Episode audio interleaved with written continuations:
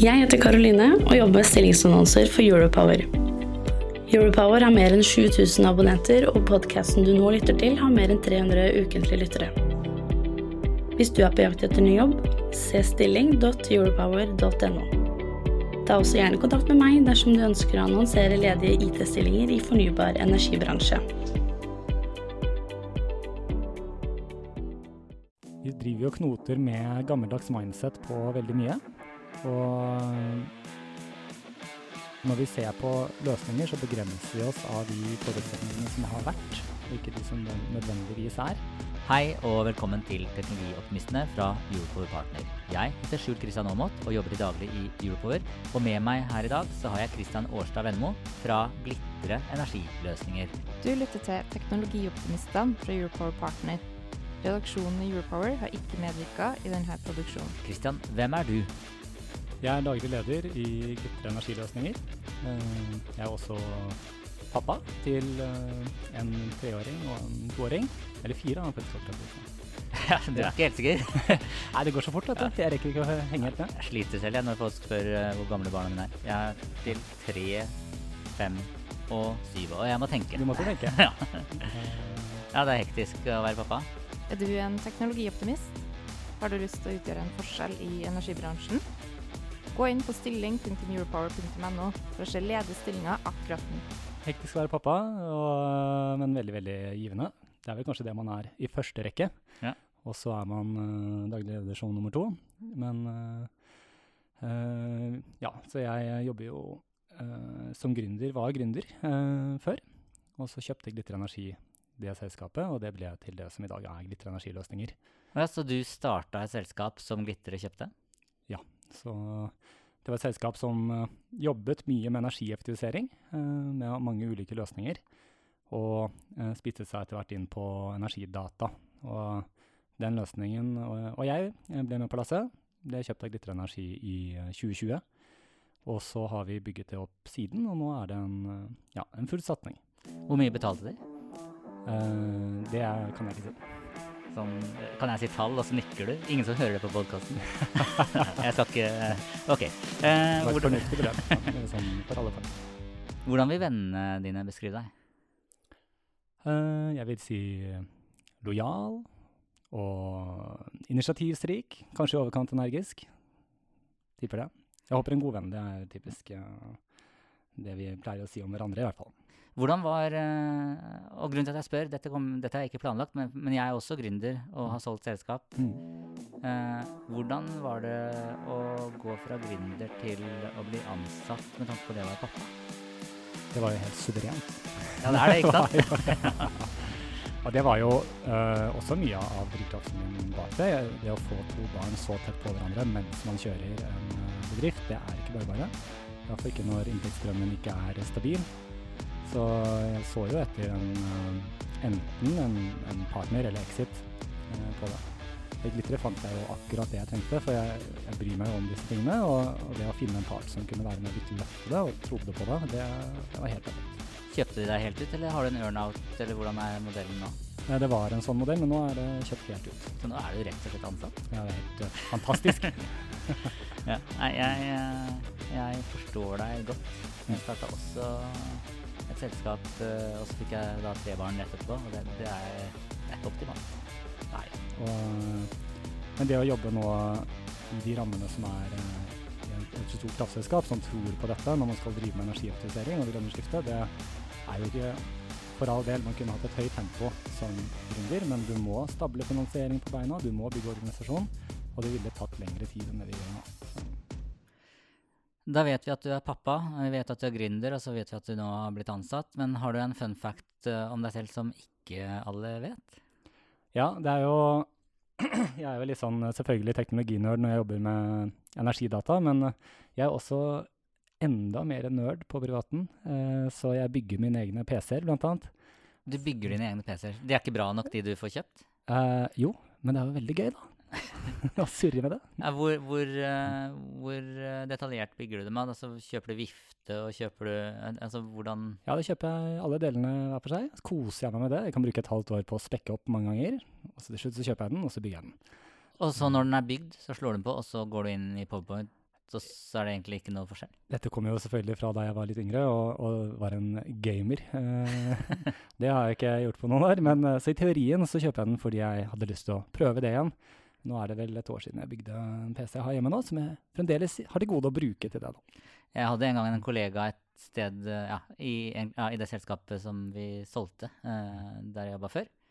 Og han eh, hadde vannkjøling eh, istedenfor vifte fordi det bråkte ikke. Eh, er det lurt? Ja, det er veldig lurt. Og, ja, da er han veldig flink. ja, da, vi vi syns han var på grensa til gæren, men eh, ok.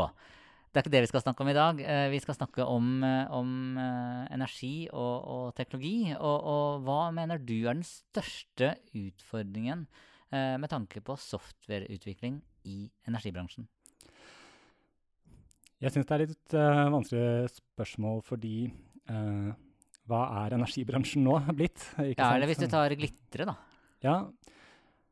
Jeg vil si at uh, det er vel en utfordring som mange opplever på tvers av bransjer nå, og det er tilgangen på kompetanse og konkurransen om de beste hodene. Uh, Hvorfor vil ikke folk jobbe i, i, med fornybart, da? jo, jeg tror det. Men jeg tror kanskje uh, at det er en veldig kamp rett og slett på ressursene. Jeg, jeg ser jo det at vi, vi får tak i gode hoder, men det krever mye innsats. Og, det, og vi har et utrolig utviklingsteam som sitter i konsernet, jobber med så mye spennende på tvers av uh, alle selskapene i konsernet. Uh, og bare utrolig flinke folk. Uh, og vi vil jo bare ha utrolig flinke folk, og det gjør at det er en, det er å nedi hjørnet som ikke er så flink, eller? Ja, ja, ja, Ingen jeg har møtt, i hvert fall. Så det er jo veldig bra.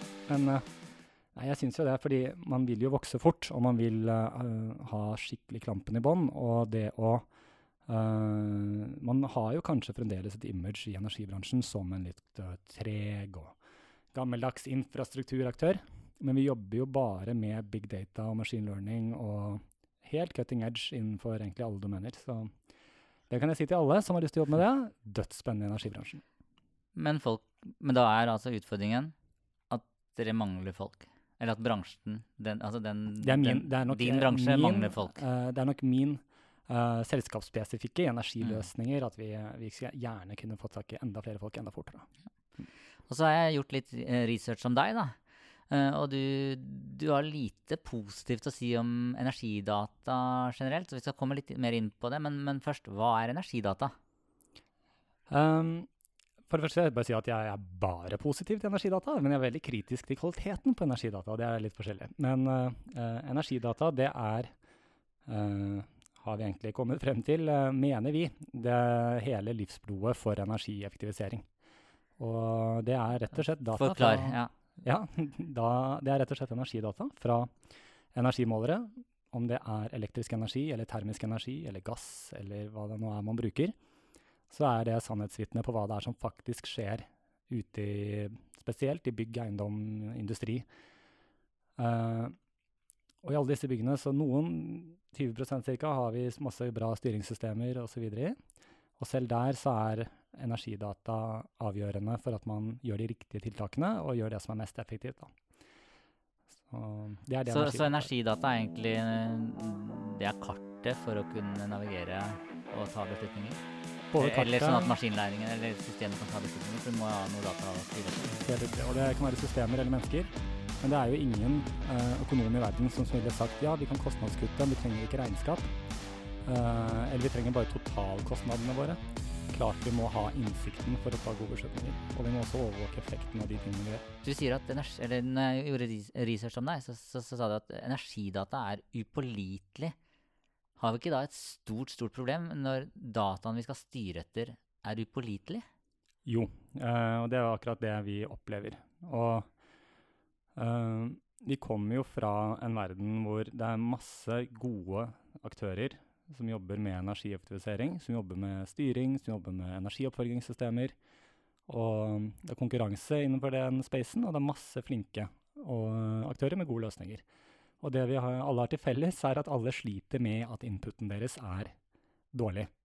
Og at energidata er uh, upålitelig i den forstand at uh, den er ikke nødvendigvis korrekt. Uh, den er ikke stabil. Og det gjør det vanskelig å, å stole på det man ser, og ta gode valg. Men, men er det da noe poeng i det hele tatt å, å, å jobbe med det å ta valg når, ikke, når kartet ditt ikke stemmer? Eh, ikke hvis kartet ditt ikke stemmer. Og det er jo vår påstand, og det er jo det vi egentlig jobber da med å prøve å fikse. For eh, ja, alle, nesten alle i spacen jobber jo med de løsningene. Det er de vi ser først. Hvordan kan vi styre bedre, hvordan kan vi energieffektivisere? Og så kommer man frem til at den inputen man har, kanskje ikke er god nok. Og så begynner man å jobbe med det. Så sitter vi hver for oss på hver vår tue og prøver å løse noe som egentlig, mener vi, burde vært en felles tilgjengelig commodity til en lav pris. Det er å ha den da, grunnleggende data. Men hvorfor sitter aktørene i energibransjen på hver sin tue? Altså, for jeg har hatt inne flere, både fra altså, Adendiri Embrick sa det samme. Eh, teknologidirektøren i, i Elvia sa det samme, at bransjen har en utfordring med at man sitter på hver sin tue at, i, i ulike siloer. Eh, hvorfor tar ikke bransjen et felles eh, skikkelig krafttak og begynner å samarbeide? Jeg syns vi gjør det. Så jeg er litt mer optimistisk også der. Eh, jeg opplever egentlig Uh, dette kan jo være selvfølgelig hvilket perspektiv man har. Vi er jo en liten agil teknologibedrift i et konsern. Uh, vi møter andre agile teknologibedrifter fra andre kraftkonsern. Vi møter også de som er frittstående og, og som er gründerbedrifter, eller bare store private aktører. Og jeg opplever at man er mye mer nå moden til å samarbeide enn man var. Men dette er jo litt sånn uh, økonomisk teori også, at når, når nye segmenter oppstår, så jobbes det mye i vertikaler. Og så tar det litt tid før de horisontale eh, nisjene begynner å komme. Og vi har jo egentlig plassert oss der at vi, vi, tror at vi kan gjøre mest nytte hvis vi klarer å gjøre ja, energidata pålitelig og billig for alle de aktørene som trenger det. Og så gjør vi ikke noe særlig mer. Og det eh, fordrer jo selvfølgelig et stort volum før det er noe økonomisk fornuftig, men det er i hvert fall vi tvinger oss jo til å samarbeide, for vi må åpne dialog med alle disse aktørene som kanskje så som konkurrenter før. Da. Er du en teknologioptimist? Har du lyst til å utgjøre en forskjell i energibransjen? Gå inn på stilling.europower.no for å se ledige stillinger akkurat nå. Uh, du har også sagt at uh, energidata er kostnadsdrivende. skal ikke alt dette være med på å ta ned kostnadene? Jo, det er jo tradisjonelt kostnadsdrivende, og det er enda en utfordring vi prøver å løsne opp i. Og det er fordi for å få en måling så trenger du en fysisk ting som står et eller annet sted, som en elektriker eller en rørlegger har installert, og så må du sette opp en hel infrastruktur for at den leverer data, og så må du tro på det den sier. Og hele den prosessen der, den koster mye penger å få på plass. Så må, for, å, for å kunne få kartet på plass, så må man investere mye? Måtte. Eh, så vår løsning er egentlig at vi tar den investeringen. Eh, og så er vi en veldig langsiktig infrastrukturaktør, sånn at vi kan ta den investeringen og gjøre det billig for brukerne av dataen til å bare rett og slett betale for å bruke data. Er, det, er, det, er Glitter energiløsningen software as a service eller software hardware as a service? Der man leier? Ja, så vi liker å kalle det data as a service. Data as a service, ja. eh, men med alt som forutsettes for å få den dataen på plass, rett og slett. Eh, du har også sagt at det er vanskelig å få tak i, i dataen. Eh, hva, hva, kan man gjøre for å få tak i dataen? Kommer an på hvor den er fra, og det er det som er spennende. Da, at vi har jo en uh, Vi har jo legacy-systemer som er tilbake fra uh, 80-tallet, og protokoller tilbake fra 80-tallet, og masse ulike leverandører med mer eller mindre lukkede løsninger og siloer. Sånn at den infrastrukturen som står der ute i dag, den, den er typisk krevende uh, å få data fra.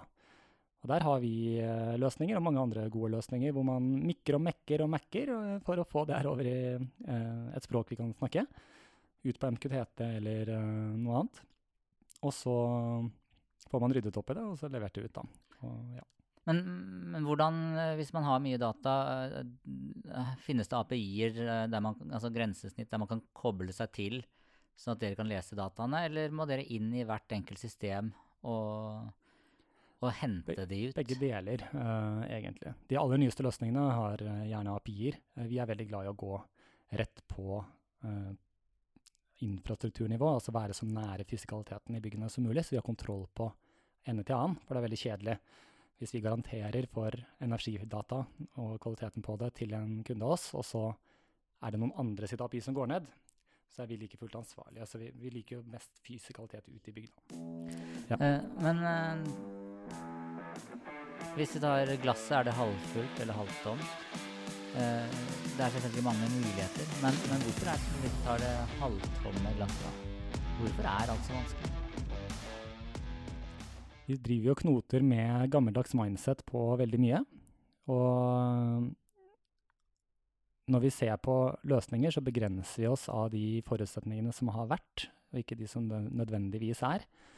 Nå tenker jeg veldig navlebeskuende selvfølgelig da på energidata, men øh, vi snakker jo med aktører som har utrolig god teknologi og masse mul mulighetspotensial i plattformene sine. Uh, og så er de begrensa likevel til at energimåler er dyrt, så vi kan bare ha én i et bygg. Vi trenger bare få bare hovedmåleren, dessverre, og så er det punktum finale, og så er man ferdig til å snakke på det. Og, og der finnes det jo vi, det er kanskje det andre også, som jobber på helt andre måter. Og jeg ser aktører som jobber med inneklima som en tjeneste, som jobber med energioptimalisering som en tjeneste. Og de her store capex-ene som typisk har stått i veien, de er ikke nødvendigvis der lenger. Uh, og så er det mye mer knyttet til risiko og ansvar. og alle disse her gamle tankesettene, de, det er modeller der nå hvor, hvor de, eh, de hindringene er ikke der lenger, men man er kanskje ikke helt bevisst. Da. Du har jo gått eh, en reise, eller tatt en reise fra å være gründer, altså hatt en idé, eh, og, og satt det i livet, til å bli kjøpt opp, og som, skal, eh, som nå er et rigg rundt deg med, med glitter i ryggen, og skal ta dette ut i hele Norge, kanskje hele verden etter jeg vet ikke. Men underveis her så har du sikkert tatt mange teknologivalg, altså skal jeg velge A eller B? Litt sånn når du bygger din egen PC, da. Skal jeg ta den eller den komponenten? Hva er de mest krevende teknologivalgene du har hatt som gründer før ja. dere ble kjøpt? Jeg må si at som gründer så var de mest krevende valgene var de jeg ikke skjønte at jeg tok. Eh, Da var det jo eh, begrensninger til selvfølgelig finansieringstilgang og annet, som gjorde at man valgte kanskje ikke de mest optimale løsningene. Ja, fikk dere inn uh, Hva slags investorer eh, hadde dere? Uh, Jeg solgte litt leiligheter og puttet inn mine egne penger, uh, stort sett. Og så var det en del finansieringsprosjekter i samarbeids, konsortiumsamarbeid med industripartnere. Ja. Så Men på, på Har du sittet også og programmert, altså software?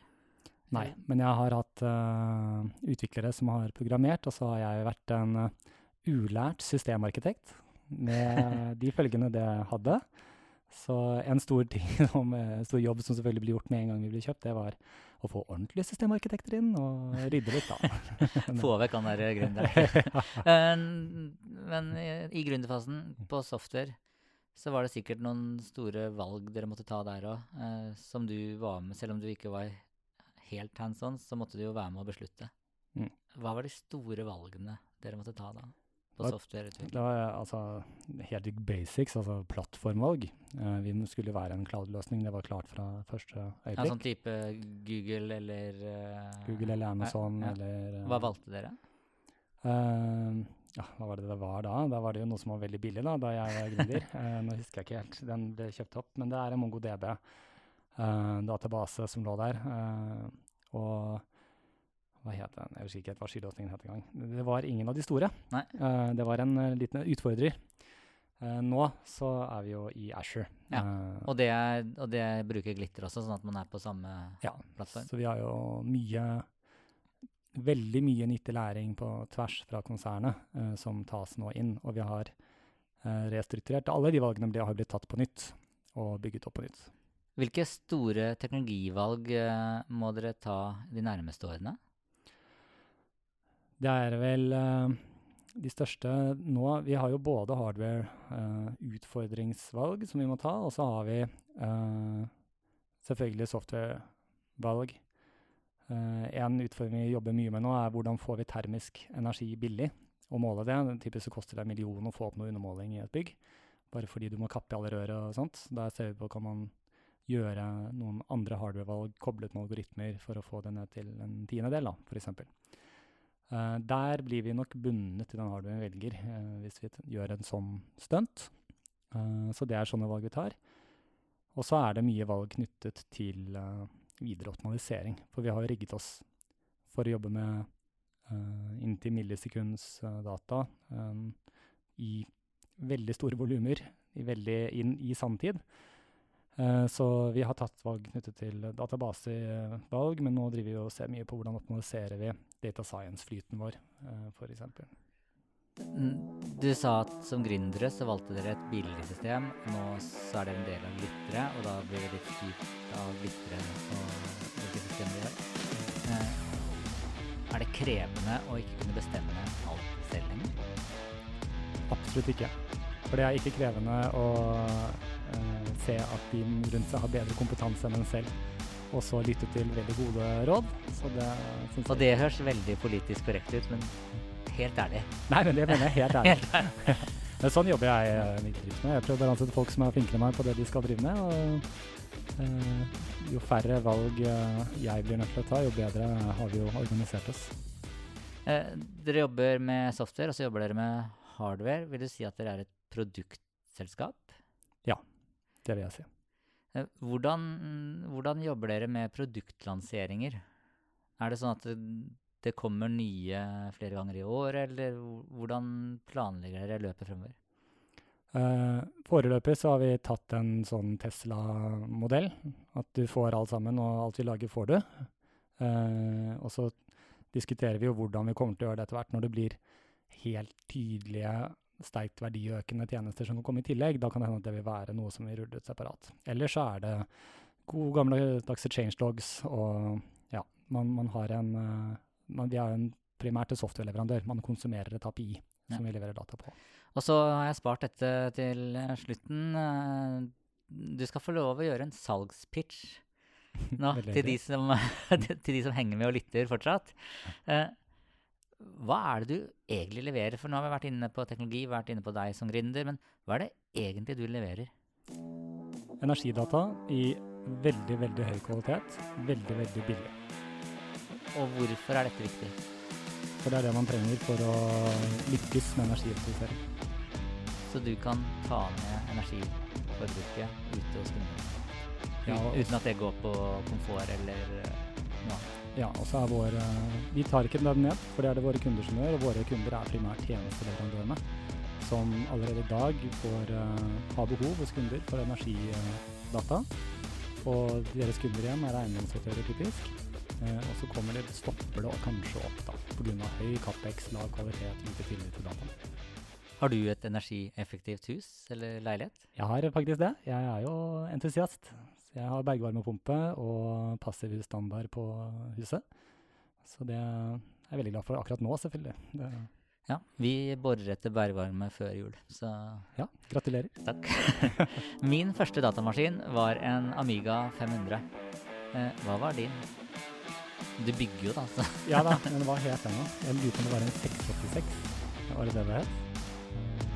Spør jeg deg, ja. Denne Ja, det- før meg. Ja, eh, 686, men det er ikke Commodore. Det er Eller? Nei, det er det var sånn vel- Atari, var det? Nei. nei, det var etter det.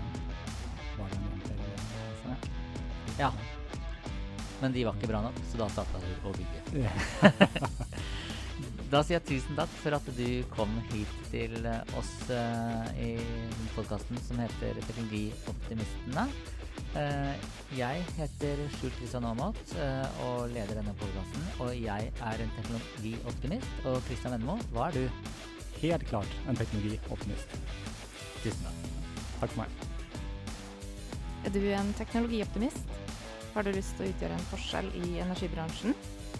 Gå inn på stilling.europower.no for å se ledige stillinger akkurat nå.